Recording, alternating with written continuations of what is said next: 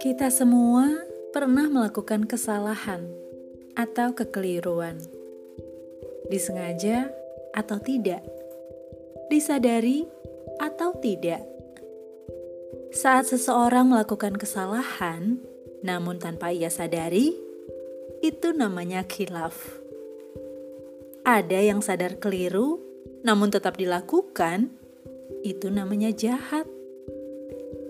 Ada berapa banyak dari kita melakukan kekilafan, lalu memperbaiki. Sudah tahu melakukan kesalahan, tapi tetap diteruskan. Hmm, itu sih namanya kelewatan. Perlu diberi pelajaran.